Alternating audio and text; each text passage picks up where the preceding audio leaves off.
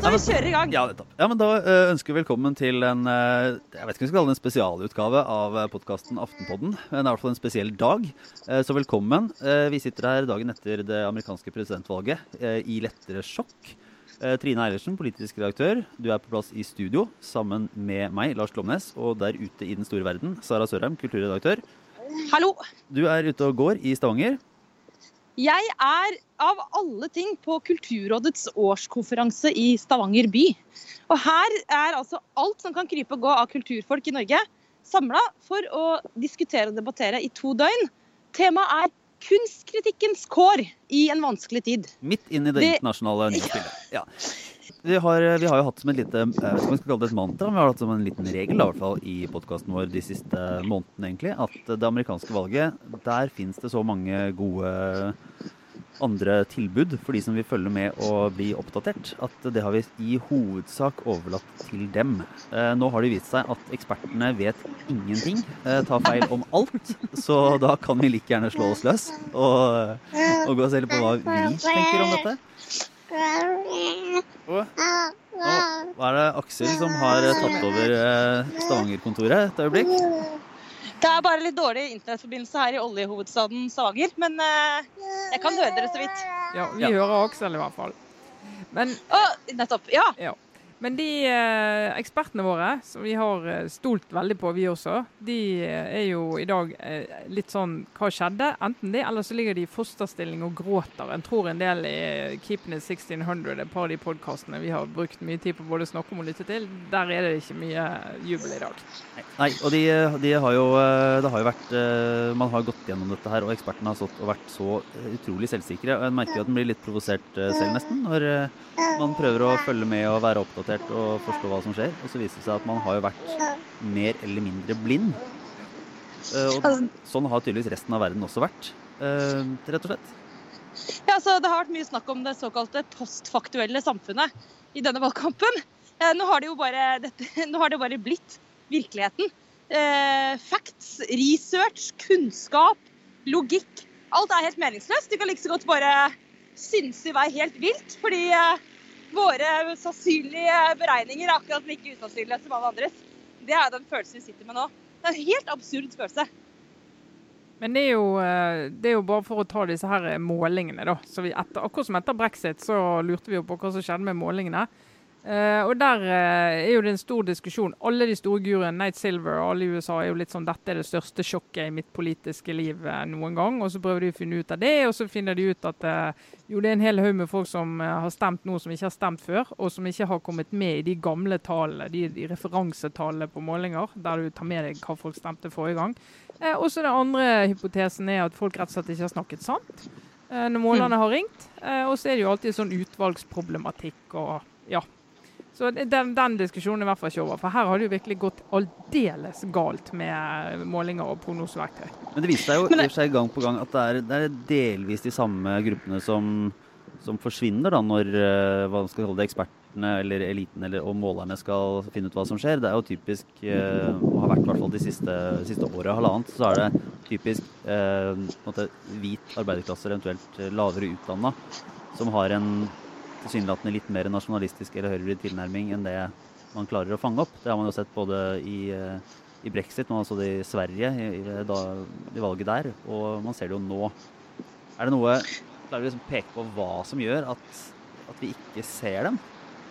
Ja, Det er interessant, fordi du kan jo peke på modellene og bare si at eh, rent faktisk så var modellene feil. Men så er spørsmålet hvilken ideologi eller hvilken tanke eller hvilken kultur er det som har skapt modellene?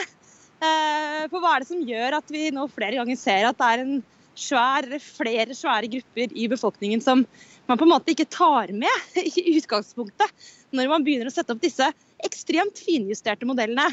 For eh, de kan være så bra de bare vil, men når premisset er gærent, så blir utregningene så klart også feil.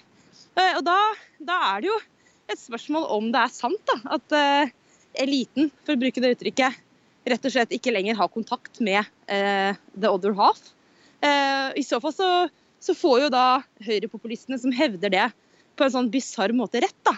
I at eh, vi, for å si det, eh, rett og slett eh, overser en enorm gruppe i befolkningen. Eh, og I så fall så er det bare helt tragisk at svaret på det er å velge eller ta politiske beslutninger som er helt gale, Mathias. Det er minus og minus som ikke blir pluss. Eh, men, eh, Men men jeg vet ikke. Ja. Nei, altså, jeg, jeg, jeg, jo, jeg kjøper jo ikke helt den der eh, entydige såkalt elitekritikken. da. For jeg mener jo faktisk at mediene, både amerikanske og norske, som er de jeg har fått meg til, Uh, har jo uh, brukt masse tid på å prøve å finne ut hva som skjer uh, blant velgerne. Hva som skjer blant Trumps følgere. Eh, hvordan de tenker, og hva de er opptatt av. Og jeg mener vi har et ganske godt bilde av det. Og det handler om økonomi, det handler om arbeidsplasser, det handler om utvikling i levestandard, det handler om å, å ligge, falle, falle, falle tilbake når noen få suser av gårde. Altså det er mange, mange ting. Eh, Men det jeg tror vi har hatt problemer med å forstå rent sånn intellektuelt, det at de, de ser, at, ser Don, Donald Trump som svaret på det. Og der, mm. der det er liksom linken mellom den situasjonen til alle disse menneskene og den de mener kan løse det for dem, som jeg tror mange av oss har hatt så store problemer med å, med å gripe at vi, at vi ikke har greid å tro på det. da. Vi har fortsatt problemer med å gripe det. Jeg, jeg, jeg forstår det faktisk ikke. Jeg tror, eh, jeg, jeg tror ikke jeg kommer til å gjøre det heller. Det er en sånn følelse av at nå, nå eh, jeg klarer ikke å forstå det. Jeg kan skjønne at uh, høyrepopulistiske partier da, eh, får stor popularitet. Jeg, jeg skjønner kjempegodt at ja, i Norge da, at en Carl I. Hagen klarte det han klarte med Fremskrittspartiet. Jeg forstår til og med appellen, kanskje, hvis jeg virkelig prøver, til Sverigedemokraterna. Hvorfor de klarer å slå rot som politisk parti i Sverige. Jeg kan få se på en måte årsakssammenhengene. Men dette er altså Trump er, det er for bisart. For han er så åpenbart ukvalifisert og ufyselig. Så appellen hans Jeg skjønner jo at han har en appell. Jeg, jeg skjønner jo at han faktisk har flertallet av amerikanske velgere bak seg. Men jeg forstår det ikke. Men jeg, jeg, jeg, men jeg tror når vi ser på det og sier han ikke er kvalifisert, så er det akkurat det vi regner som kvalifikasjoner. og De er glad han ikke har. For da er han noe annet, ikke sant? Og så er han jo, altså Hvis du hørte talen hans i dag når han kom ut av valgbakken valgvaken sin, og så sier han, eh, har han jo da fått noen tips om hvordan han skal åpne den talen. Det er jo det nærmeste han har vært. Han er- ser i hvert fall ut som fetteren til en statsmann. Når han klarer liksom å takke Hillary Clinton for eh, hennes eh, service for eh, landet gjennom flere år og en god valgkamp. Eh, og så sier han jo også det, så blir han plutselig Roosevelt og New Deal og sier det at nå skal han eh, eh, oppgradere alle inner cities i USA, og dette skal vi gjøre med å få sette folk i arbeid. Altså Det er liksom en link mellom hans politiske mål og, eh, og det å få folk i arbeid. Eh, og det er jo en, dette, tror jeg, dette har jo han snakket om gjennom valgkampen, og dette har folk hørt. Vi har ikke vært opptatt av det, tror jeg, nok. Det han faktisk har hatt av politisk budskap. Vi har kanskje bare avvist hele han. Men så er det noen av de eh, punktene hans som har hatt eh, klangbunn hos folk, som tenker at ja, det var veldig konkret. Ja, du skal bygge opp igjen eh, i bykjernene, og jeg skal få jobb med å gjøre det. Men er det, er det Mm. litt sånn Er det den, eh, hva skal man si, det, det liberale samfunnets eh, feil? Altså er det en tabbe å dekke, da, som medier f.eks., eh, talene til Trump med tanke på det kontroversielle og, og det på mange måter uh, ufine han sier? Altså, skulle man lagt det til side for å i større grad dekke hans faktisk policy? Eller mener du bare at vi skulle ta det innover oss? For det, er jo på en måte, det ville vært veldig rart å la det ligge altså, la det bare ligge når han eh, sier en del ting som, som rett og slett er ganske uhørt i et eh, moderne demokrati. Da. Du må ha det med, uh, for det, det er jo helt eksepsjonelt. Og og ryggmargsrefleksen vår er jo at dette reagerer noen på. Eh, og det gjør de jo. Mange reagerer på det. Men jeg så, jeg så Frank Rossavik han skrev jo den eh, siste partileder... Uh, unnskyld. presidentdebatten mellom han og Hillary. Så uh, sier Frank Rossavik som den eneste, tror jeg, i sin kommentar at den debatten vant Trump. Og han fikk Mm. også så mye tyn for det. Og ingen sjøl Og det fikk vi og jeg også fikk masse kjeft for at han fikk lov å skrive det. For det var litt sånn Alle som så den debatten, skjønner at Trump ikke vant. Mens Franks argument var Mitt poeng er ikke om jeg likte det han sa, eller om jeg syns at han var en, var en god debattant ut fra min standard, men jeg ser at han treffer et publikum som han kan greie å mobilisere, og det mener jeg Hillary Clinton ikke gjorde. Og, det, og den, å, å, å greie å se en debatt og eh, et politisk budskap med et innhold som du misliker så sterkt, i en form du misliker så sterkt, men greie seg gjennom det, det, det er vi ikke gode nok til, tror jeg. Men det er jo helt utrolig å høre. Altså, det har bare vært jeg føler meg litt sånn, eh, som jeg sa, litt, litt snytt da man har fulgt disse såkalte ekspertene i, eh, i USA i månedsvis, som har vært så ekstremt selvsikre. Og, og hører disse gamle, de som jeg i og for seg har kjempesans for, og fått sånne små mancrushes på, de gamle rådgiverne til Obama, da, som, som sitter og er morsomme og frekke og, og latterliggjør Trumps valgkampmaskin. Og de har ikke peiling, og de følger ikke med, og de er helt sånn hjernedøde tullinger. Og uh, det er ingen flinke folk som har lyst til å jobbe med Trump. Og så viser det seg at mens, mens, de har sittet der og skravla og vært høye på seg sjøl, så har rett og slett Trump gått og tatt alle velgerne. Har snakket med alle personlig. Bare, har bare gått, har, har stikket til da, til Wisconsin og til Michigan og oppi dette såkalte rustbeltet. Og bare stikke av med alle disse folka som sitter ut, litt utafor bykjernen. da. Som Hillary Clinton nesten ikke har drevet valgkamp på. på en måte. Det har jo ikke, så vidt jeg forstår, så har Clinton nesten ikke vært i Wisconsin. Og, og vært så vidt tilbake til Michigan på, på tampen. Vi tok det for gitt, sant? I, I Pennsylvania på siste kvelden. fordi du bare tenkte at ja, men dette har vi. Og da, og da det er dritfarlig. Jeg hørte, hørte vår, eh, vår, da nevnte favorittpodkast for et par uker siden. Så, så, var de jo ekstremt selvsikre. Og da sa jeg tror det var eh, han eh, David Ploff, men, eller var det John Favreau, en av de faste gutta, som bare utbasunerte What could possibly go wrong? De var så sikre. De satt bare og snakket om liksom, hva skal vi gjøre etter at Hillary har blitt valgt. Og når jeg hører noen si 'what could possibly go wrong', og så sa han ja, det eneste jeg kan tenke meg, er at det skulle bli noe mer fuck med e-postene. Ja. Og så gikk det, gikk det, fire dager. Og jeg ser nå at uh, nevnte Favreau skriver på Twitter at, at, han ikke klarer å la være å tenke på um, brevet fra FBI-direktøren, og om det vippa valget. Det tror jeg kanskje er altfor enkelt. Jeg tror ikke, altså, vi snakker om store velgerbevegelser som, eh, som er helt uavhengig av, av, den saken. Men på den annen side så er jo dette et ganske jevnt valg. Um, det kan jo være rent sånn kontrahistorisk at hvis ikke det brevet hadde gått ut fra FBI, hvem vet?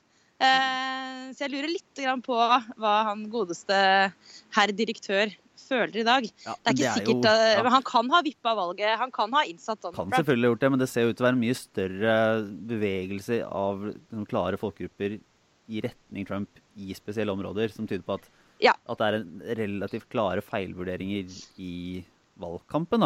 Det, ser jo hvert fall, det er også på en måte kontrahistorisk. Det er jo litt fotarbeid i. Men, men, du ser bare, ok, hvis du, Når du uansett ikke klarte å vinne Florida, i og for seg, så Og der var hun jo. Der var hun jo dag ut og dag inn. Siste, mm. jeg har jo, alt jo, ned dit i uh, siste ukene. Og så har du egentlig droppa noen kjerneområder. For uh, det hadde jo ikke, det hadde ikke skult mye til, uh, sånn som det endte, å få endra dette, hvis hun bare klarte en av de statene der oppe. Men liksom, det er jo mulig at uh, frykten, uh, eventuelt håpet, som var knytta til at uh, Hillary Clinton rett og slett ikke var valgbar nok da. Ikke sant? At man har snakket om at hun ikke, at hun rett ikke har vært hva er det de sier i USA, electable. Mm. Um, det har jeg liksom tenkt at eh, det er det glasstaket hun skal knuse, fordi uh, det er så knytta opp til hennes kjønn. Det at ikke, at ikke amerikanerne kan se for seg en Madam President. Uh, og jeg var mer og mer overbevist, helt feilaktig viser det seg, uh, overbevist om at hun hadde gjort seg valgbar da, i denne valgkampen her. Og at hun fremsto statskvinneaktig, og at de greiene var på plass. Men uh, åpenbart ikke, for jeg, jeg, bare klarer ikke helt å tro at det, en, at det, er kraften til Trump han har vunnet valget med. Han har fått hjelp av uviljen mot Hillary. Jeg kan, eller jeg velger å tro det, i hvert fall. Jeg, ikke at det er så veldig stor trøst, men det, er i hvert fall en, det hjelper meg litt å forstå hva som har skjedd. Da. Nå skal jeg bare, skal jeg bare for uh, Skal jeg gi deg litt uh, Jeg vet ikke om det heter, egentlig blir ros, men kan minne deg på noe du sa i vår aller første utprøvende podkast, hvis ikke jeg ja. husker helt feil. Da sa du Eh, for du hadde en, det som vel egentlig var en slags eh, obligatorisk refleksjon, selv om vi ikke hadde navnet på spalten. Ja, selv om så, KrF ikke hadde gitt oss den gaven ja, ja, på det tidspunktet ja, å finne opp obligatorisk, finne obligatorisk refleksjon. Så uh, kom vi jo inn på at det ville bli spennende, et spennende år med også amerikansk valgkamp. Og da uh, påpekte du at du hadde sett Chelsea Clinton på et tidspunkt, og lurte på om ikke hun kom til å bli USAs første kvinnelige president. Uh, fordi du hadde ikke hadde noe særlig tro på Hillary. Sa jeg det? Ja. Du, det var ikke så dumt. Det var ikke så dumt. Jeg, jo, altså jeg rakk jo da, altså Min personlige seier i dette helvete som har vært den amerikanske valgkampen i år, var jo at jeg rakk med et nødskrik eh, å bli en del av den fantastiske og veldig store gruppa norske USA-eksperter. For jeg fikk lov i går, eller jeg ble spurt om faktisk, da, å sitte i et uh, ufattelig skravleklassepanel på uh, valgvaken som um, Democrats og Republican Abroads hadde i Oslo i går. Men, men der var alle enige om at det skulle gå motsatt av det sånn det gikk? Ja, altså Da fikk jeg kjenne litt på følelsen av hvor deilig det var å uttale seg litt sånn uforpliktende om et helt land. Eh, og sitte og spå. Eh, men jeg kjenner jo i dag også den følelsen av å tryne fullstendig. Jeg trodde jeg var forsiktig, for jeg sa at jeg ikke trodde det var mer enn 70 sjanse for at eh, Clinton skulle ta dette her.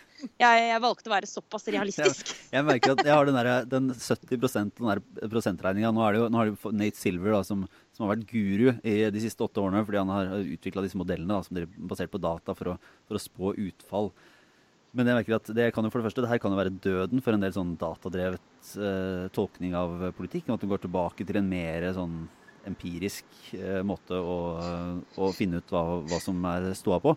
Ja, gode gamle men, magefølelser. Ja, men han, han, hadde jo eh, etter hvert som denne modellen gikk inn og hadde en, hva var det, en 75 eh, sjanse for at uh, Clinton skulle vinne før, altså, før i går, da, så er det jo et tall som betyr absolutt ingenting. Nei. Altså syv av ti ganger vil Clinton vinne, tre av ti ganger ja, vil Trump ja. vinne. Ja, OK. Dette var tydeligvis en av de tre av ti. Eh, det, opp, mot, altså, opp, mot, modellen til New York jo... Times, som hadde 80 sjanse sånn for en Clinton-seier. Ja, OK. Hvem hadde mest rett? Ingen vet. Ingen, ingen vet. Så, og det må jeg bare ta meg sjøl tilbake til. I natt så våknet jeg faktisk helt tilfeldig. Eh, halv fire ca. Og så sjekket telefonen med en gang, og der, det var urovekkende ting. Og begynte å se på denne New York Times-prognosen. Og der sto pilen på 52 sannsynlighet for at Trump skulle bli eh, president. Og så tenkte jeg nei, men det, det må jo bare være sånn et sånn litt vilt resultat som kommer akkurat nå. Og mens jeg så på telefonen, så gikk han opp til 54. Så tenkte jeg dette Hva betyr Altså, jeg måtte jo bare stå opp. Og det, det, gikk altså så kort tid. Den pilen bare flyttet seg og flyttet seg. og flyttet seg. Jeg skjønte ingenting. Det må, må innrømmes at det var, det var et par vonde timer der fra klokka to til klokka fire. Der eh, jeg liksom fikk se uh, minutt for minutt se, se dette gå ja. mot, uh, mot, en Trump-seier. Men hvis det, det skal gå sånn, det altså, ja. Eh, jeg føler bare at det er en sånn lidelseshistorie alle har behov for å fortelle etter hvert. nå. Sånn, eh, hvor var jeg? Hvordan kjentes det ut? Akkurat hva skjedde da jeg skjønte at Trump kom til å vinne dette her? Det, jeg, jeg, kommer til å huske det, det er jeg vet. Jeg kommer til å huske alt som skjedde resten av mitt liv. Eh, I likhet med, med hele, altså i hvert fall vestlige verdens befolkning. Og jeg, jeg, må bare si at jeg er sånn eller blanding av sånn liksom galgenhumoristisk, liksom sånn bakfullaktig sånn Hæ, faen, hva skjedde i går, liksom? Jeg later som ingenting. Og eh, samtidig den derre Hvis ikke snakker om det, så kan du bare, bare gå bort. Det fins ja, bilder på Facebook. Ja. Jeg har en gammel kompis som er god til å, til å feste, og han har alltid lært meg at eh, hvis du dreit deg ut så skjedde noe forferdelig i fylla, bare lat som det ikke skjedde, fordi det funker. Altså, Du kan bruke hjernen sånn. Du kan bare lukke øynene, bare si til deg sjøl 'dette skjedde aldri', ja, det, og så går det over. Det kan jeg bekrefte. Men det funker ikke nå. det er vanskelig nå. og da lurer jeg jo på, da, for å fullføre det bare, da lurer jeg jo virkelig på hva er det som skjedde nå? Hva, jeg, jeg holdt på å dø av nysgjerrighet sånn, om, om, fire år. Hva er det vi vet da som vi ikke vet nå? Altså, Er det sånn at det er en fascist som har tatt over USA. Jeg mener at det er grunn til å faktisk frykte det. Altså, det er ting han har sagt og ting han har sagt han skal gjøre, som er helt fryktinngytende. Samtidig som det er også helt sannsynlig for så vidt at han vil det vil være folk rundt han som vil hjelpe han. Han vil kanskje klare å se selv til og med at eh, skoene er for store. Altså, det kan jo gå bra. At han men den, den genuine skoene er for store, det tror jeg Ingenting på. At det kan gå bra? Nei, nei at han skal, at han skal liksom se at skoene er så store at han trekker seg tilbake. og liksom, eh, Ikke akkurat ikke går av, da, selvfølgelig, men bare liksom går inn i, ja, inn i seg selv og tar det med ro. Det blir jeg overraska hvis han klarer. Jeg tror det vi kan regne med, er jo at han er en ledertype som ikke går inn i detaljer på veldig mange saker. Eh, så jeg tror Nei. han kommer til å delegere utrolig mye. Og så er det en del ting han kommer til å være litt sånn monomant opptatt av. Og, og, og da nødvendigvis lære mye mer om. Det er jo akkurat som si, politikere i alle fungerende land. Du har jo et vanvittig kompetent byråkrati, og du har folk rundt deg som kommer med info. Så det er liksom grenser for hvor lenge du kan avvise fakta eh, når du sitter og skal ta den type beslutninger. Så vi må liksom regne med at systemet fungerer på et eller annet nivå. Men det er jo nivå. fascinerende. I USA så byttes jo ekstremt mye større del av byråkratiet ut. Og tidligere så har det vært snakka om i valgkampen av eksperter som nå åpenbart ikke vet hva de snakker om. uh, så det hele resonnementet blir kanskje litt uh, ja. ufullstendig. Men at, at, det rett og slett kan være vanskelig for Trump å få kvalifiserte folk, fordi mm. eksperter på ulike områder ikke nødvendigvis har tiltro til at han kan få det her til å gå så bra at det vil lønne seg for dem å være med på det. da. Ja, Jeg lurer på om de må ha byttet ut 7000 eh, byråkra- eller det vi kaller byråkrater, da, eh, forrige gang eh, ved presidentskiftet. Så det er, jo, det er jo en jobb. og Derfor tar det veldig lang tid før de kommer opp i fart òg, i, i administrasjonen. Men altså, det kan, jo, det kan jo gå kaldt nedover ryggen bare av det lille vi vet. Da. Han har jo sagt at uh, han skal ta med seg, hold dere fast, uh, Newt Gingrich og Rudy Giuliani eh, inn i, eh, i regjeringen sin. Jeg tror det var snakk om eh, Secretary of State og General Attorney på de to der. I hvert fall har han, vært- han har fått sagt det. Ja, Nå kan man ikke akkurat eh, som, forvente eh, at Trump gjør som han sier. Men, eh, men bare, det er jo et jævla Unnskyld uttrykket, men det er jo et skrekkabinett av mennesker. Uh, dette er jo en sånn ting man ikke skal si, fordi da er man uh, rett over i deplorable-talen til eh, Hillary. Men jeg bare kjenner Du allerede skal jo nå ikke at eh, velge, Sara. Hæ? Du skal jo ikke velges av noen. Du kan jo si det. Ja, men jeg skulle bare tenker noen ganger at han skal prøve å ha et sånt, et, lite ferniss av profesjonalitet over seg. Men det er litt grann vanskelig. Jeg, jeg merker at det ja, Apropos det, altså den derre eh, I mitt hode, debatten jeg har med meg selv om når vi, vi som sitter her og representerer mediene, da, så skal man, skal man liksom prøve å forholde seg litt kaldt til dette her. eh, Eller, eller er det nå det er tid for kampanjejournalistikk og bare dundre på og skrike ut hvor ravende uenig man er? Det er jo ikke det er ikke noen, det er ikke noen øvelse som det er et godt svar på, kanskje. Jeg vet ikke, jeg er veldig kort på den. jeg, jeg tenker jo at, uh, at journalistikken må jo på en måte ha, følge sine regler og, og sine mål om å gå makta etter i korta uansett. da. Men når det gjelder å uttrykke en mening om det amerikanske valget og kandidatene der, så syns jeg i hvert fall i tilfelle Trump da, Nå forklarer jeg jo i og for seg forsvarer mine egne utspill. Eh, og, og klare tale, så har det noe med at det kan, kan fortsatt være bekymra og skuffa over at en kandidat som egentlig litt uavhengig av politikk, har en retorikk og en tilnærming til både politikken og til befolkningen da, som er såpass ekstrem. Og da vil jeg mene at det er, det er trist når, den, når det viser at den retorikken og, og den inngangen til demokratiet får, eh, får en så stor klangbunn i folket. Og så, så er det på en måte de ulike politiske virkemidlene for, noe, for det kommer egentlig i bakgrunnen, i hvert fall når det gjelder Donald Trump. da. Ja, og så skal vi jo altså Det er jo noen saker sant, som vi Vi må jo bare gå inn i det, sånn som eh, norske politikere og statsledere i alle land er nødt til å gjøre. Nå har det skjedd, nå må vi forholde oss til det, og så må vi jobbe journalistisk med det. Altså, Hva skjer med handelsavtalene? Hva er mulig å gjøre? Hva er det han kan stoppe? Hva, hvor kan han komme til å skifte mening? Altså, Vi må jobbe med det. Klimaavtalen. Noen sier jo Paris er død. Uh, er det riktig, eller er det andre trekk ved den avtalen og, og den veien så langt den er kommet som gjør at det vil gå mye tregere enn det man tror? Altså Vi må liksom bare inn og, og jobbe ordentlig med det. og Da tror jeg det er sånn begrenset verdi at, at vi hele tiden gjentar at vi ikke liker det. Altså, Ja. ja. Ja, det er gøy. Men vi må jo hele tiden jenter Ja, ja. Ja, ja, ja nei, men altså, det er jo dagen for å tømme oss, da. Men jeg syns det var fint. eh, Jeg så, eh, det har vært flere allerede som har vært ute i amerikanske medier kommentatorer og sagt at det nå Ja, eh, vi kan få sørge litt. Det er, det er lov å sørge litt. Men så må vi fortsette å kjempe for det vi tror på. Amerikanerne er jo flinke til å si sånne ting på en måte som gjør at selv et steinhjerte blir sånn rørt og, og kjenner likevel at det går an å elske Amerika når de snakker om liksom, de verdiene som vi skal, vi skal gjenvinne dette landet. Eh, vi skal kjempe for det vi, vi tror på. Og det er klart at det, det er sånn demokratiet funker det. Du taper. Eh, OK, da er det bare å brette opp armene og begynne å jobbe, og så må du vinne folket tilbake. Så jeg, jeg ser jo at det og jeg, selvfølgelig det kommer til å gå. Kanskje trenger vi ikke å vente helt på Chelsea. Kanskje Michelle Obama kan komme som en reddende engel i 2020. Men, Ja. eh, men, men først så er det lov, tenker jeg, å ta seg en liten sørgeperiode. Bare sånn helt kort jeg, for seg selv. jeg, jeg tenker vel kanskje at, eh, at eh, en ny sånn eh, hva skal man si, dynastikandidat ikke er det første demokratene kan, kan gå inn for. Men det jeg tenkte å, egentlig å, å bare slenge der ute, er jo hvis en skal gå ned på bakken, liksom, hvordan er det en skal møte den gruppen med velgere da, og folk som er, føler seg så misfornøyd med systemet og går inn i en litt sånn protestrolle.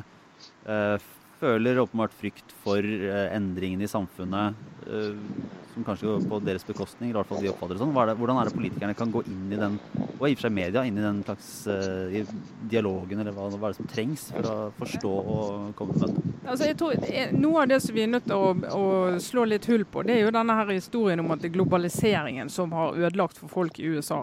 Og for arbeiderklassen i USA. og Det er liksom svaret på det. For det, det var faktisk, Jonas Gahr Støre skrev litt om det i oss, hos oss i sommer. da Han skrev om eh, brexit.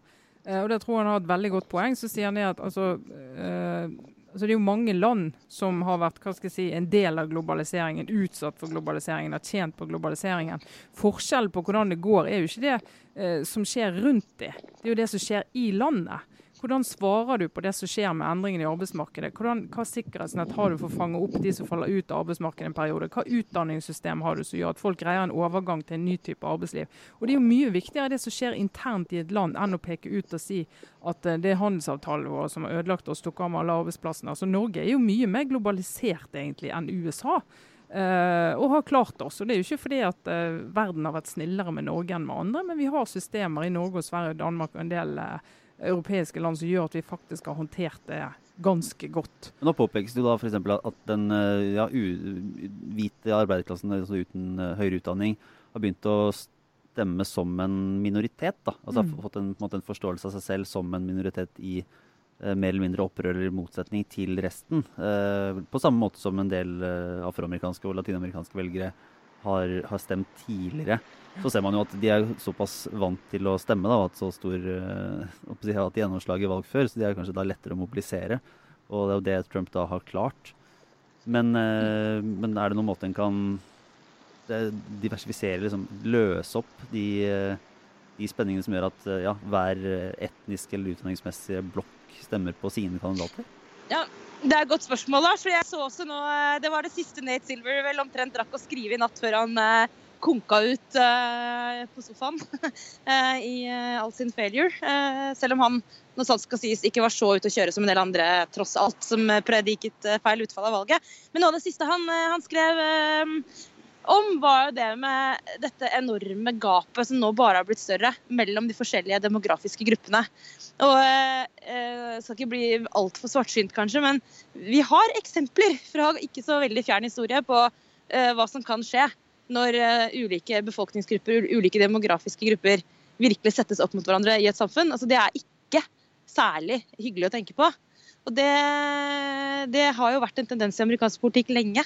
Nå er det jeg vet ikke hva slags metaforer som er passende å bruke, men kanskje borgerkrigstilstander og sånn er altfor uh, alt for voldsomt. Men, men, hvordan man skal klare å samle nasjonen da, når det er så tydelig at grupper står mot hverandre og aggresjonsnivået er såpass høyt, det, ja, det blir i hvert fall en real utfordring for president Trump. Jeg har kanskje ca. null tiltro til at han skal klare det.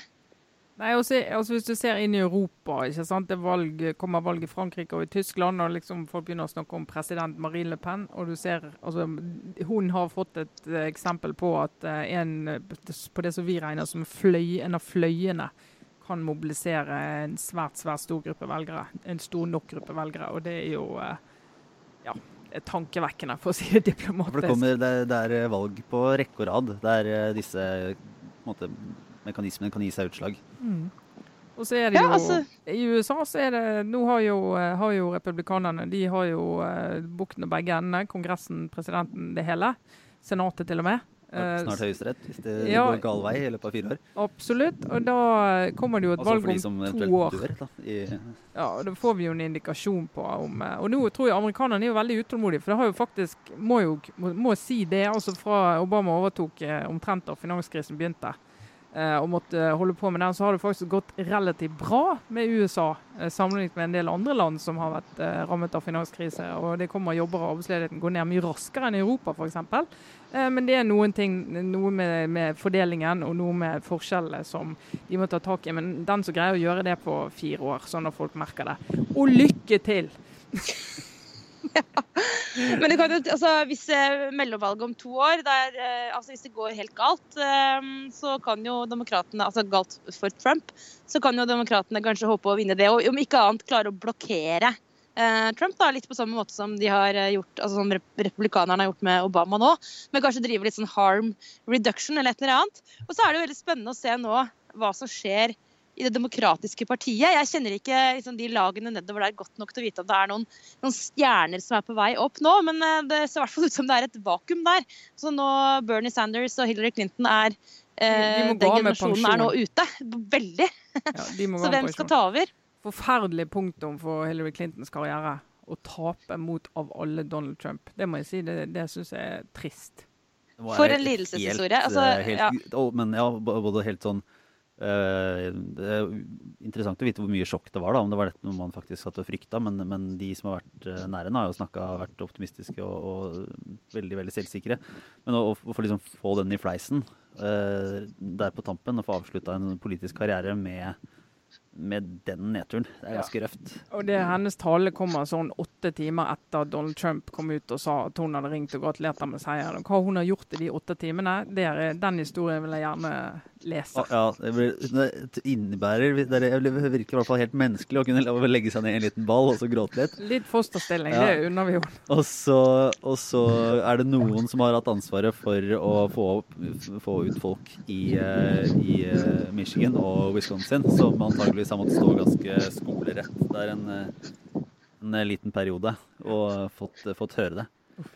Men eh, vi eh, får vel egentlig nærme oss eh, en avrunding. Har vi noen obligatoriske refleksjoner denne Det er litt sånn spesiell eh, dag. Har vi noe Ja, det, det må få nevne, som er litt, litt på siden, men egentlig ikke. Det er jo det at det, hvis det er noen som er glad i dag, på sin måte, sin helt egen lille måte, så er det, og det vet jeg for jeg har snakket med Inge Grødum, vår eminente tegner her i Aftenposten gjennom mange år, eh, som eh, også har håpet på det samme som vi alle håpet på, men han sier som tegner så er det jo Trump som gjelder. Og det tror jeg verdens avistegnere de har eh, mye og, mye å glede seg over. Vi får se da hvis han, eh, hvor, hvor, hvor hyggelig han er mot de som kritiserer ham. Jeg ser for meg en sånn kjempeoppgjør med karikaturtegnere over hele verden når han sitter fra.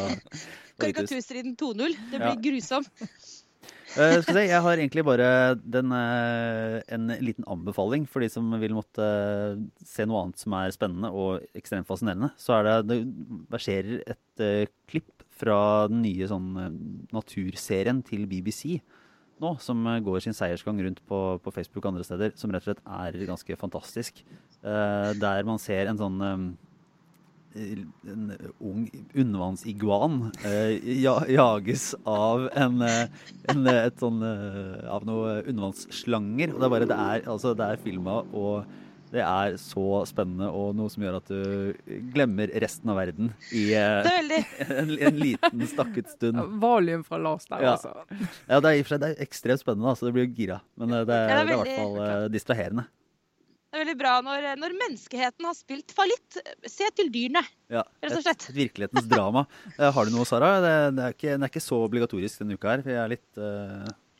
Jo, men jeg, nå har jeg gått ut her, og det har sikkert dere hørt, kjære lyttere, at jeg har eh, gått litt der trafikk og litt vind og litt vær her i Stavanger. Men nå har jeg gått ut av dette klamme kulturhuset hvor vi har diskutert kunstkritikk og gått og snakka med dere. Og så nå har jeg egentlig reflektert litt underveis, i den grad jeg har vært i stand til det, rundt at det må det må gå an å snu på dette her. Ikke sånn, vi kan ikke slutte å holde på med de tingene vi egentlig holder på med. Men hvis det er noe tidspunkt, eh, tenker jeg nå, hvor det jeg egentlig holder på med, altså eh, kulturjournalistikk og ikke minst kulturkritikken og den gode analysen, den skal jo egentlig fortelle oss hvorfor de tingene som skjer rundt oss, skjer. Den skal jo hjelpe oss å forstå tiden vi lever i. Og har vi noensinne trengt det mer enn nå? Nei, kanskje ikke. Så nå skal jeg egentlig gå inn der eh, til dette seminaret igjen og så skal jeg tenke at eh, Come on, fuckers! Unnskyld uttrykket. Nå, nå må vi bare reise lage noe kulturkritikk som tar over. Men jeg vil lure på, Det er også egentlig en eh, forespørsel til våre eminente lyttere. Uh, som i og for seg kan følge oss på Facebook-siden vår. Uh, og som kan, godt kan komme med noen tips til noen form for fora eller medier som gir et innblikk i den delen av verden som jeg tydeligvis ikke ser. Altså, Ja. eh, fordi at jeg har jo prøvd gjennom både den valgkampen her og ellers å ha ikke havne helt i min egen boble, da. Eh, og få, få noen innspill for å liksom lese også da i eh, som, som resten av Norge en demokrat når det gjelder altså USA-politikken. Eh, og der prøver jeg da også å lese republikanske måte, tidsskrifter og andre ting for å få se litt hva de tenker på. Men de, Lars, de har jo heller ikke klart å plukke opp dette i det hele tatt. Lars? Ja. Jeg tror, jeg tror utgangspunktet at du leter etter en forklaring i noe som heter tidsskrift. Allerede der. Så bare glem det. Det er ikke tidsskriftene som fanger opp de greiene her. Det er bare Jeg vet ikke, les en tegneserie, liksom. Ja, men det, det, er, det, det er jo egentlig det er der, det er der problemet ligger. For, hvor, ja, men fins det det som ikke er liksom Breitbart eller noen av de mer eller mindre ekstreme sidene som, som henfaller til konspiratoriske teorier, da. Ja, men du, vi må, vi må få innspill fra lytterne. Og så har vi jo noen erklærte republikanske sympatisører i Norge. Erik Løkke og et par andre som kanskje kan eh, hjelpe oss. Vi får eh, Jo, men er, altså, han er vel også ja, Han er jo satt sånn i- europeisk republikaner, da, vet du. Det går ikke an å Jo, men han hadde i hvert fall, han hadde jo ikke stemt for- altså Denne gangen har han sagt han ville stemt Hillary, men har jo i hvert fall liksom vært en av de få i Norge som tidligere har klart å si noe pent om George W. Bush. Jo, men Altså, det, er mens han der, det, er jo, det er jo forståelse for. Det, de, de kan man jo stadig møte. han vil jo. De har, kanskje skjønne hvorfor folk tenker som de tenker. På den annen side, hvis du ikke, da ikke hvis du da fremdeles omfavner Hillary, så er du ikke helt uh, nei, jeg tenker at det er, det er diskvalifiserende for å kunne være en, Ja. uh, på en, måte en, saklig tenkende saklig tenkende Trump-velger, som ikke går liksom bare på protestbiten, men på, på noe av uh. Vi får bare si at dette er et rop om hjelp. Ja, Jeg får ringe Carl i Hagen.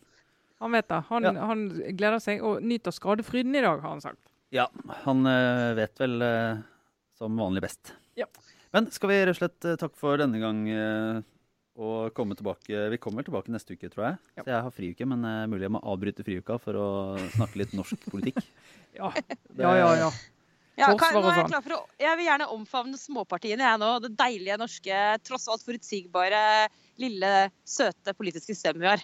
Kom igjen, liksom. Kan vi snakke om noe et eller annet? eh, Snakke litt om en veiavgift eller noe. La oss snakke om parlamentarisme. La oss det. Hylle det. vakre parlamentarismen. Yep. Nei, men Sara, du får ha det fint i, eh, med kulturkritikken. Eh, Du Takk. slår et slag for demokratiet og, og, og gleden her i verden. Og kritisk diskurs. Kritisk diskurs og tidsskrifter. I det hele tatt. Jeg skal gjøre mitt beste. Ja. Uh, Trine, du, eh, vi ses jo her uh, stadig vekk. Absolutt. Så, eh, Men takk for oss for denne gang. Det var Aftenpodden. Uh, ha det bra. Ha det.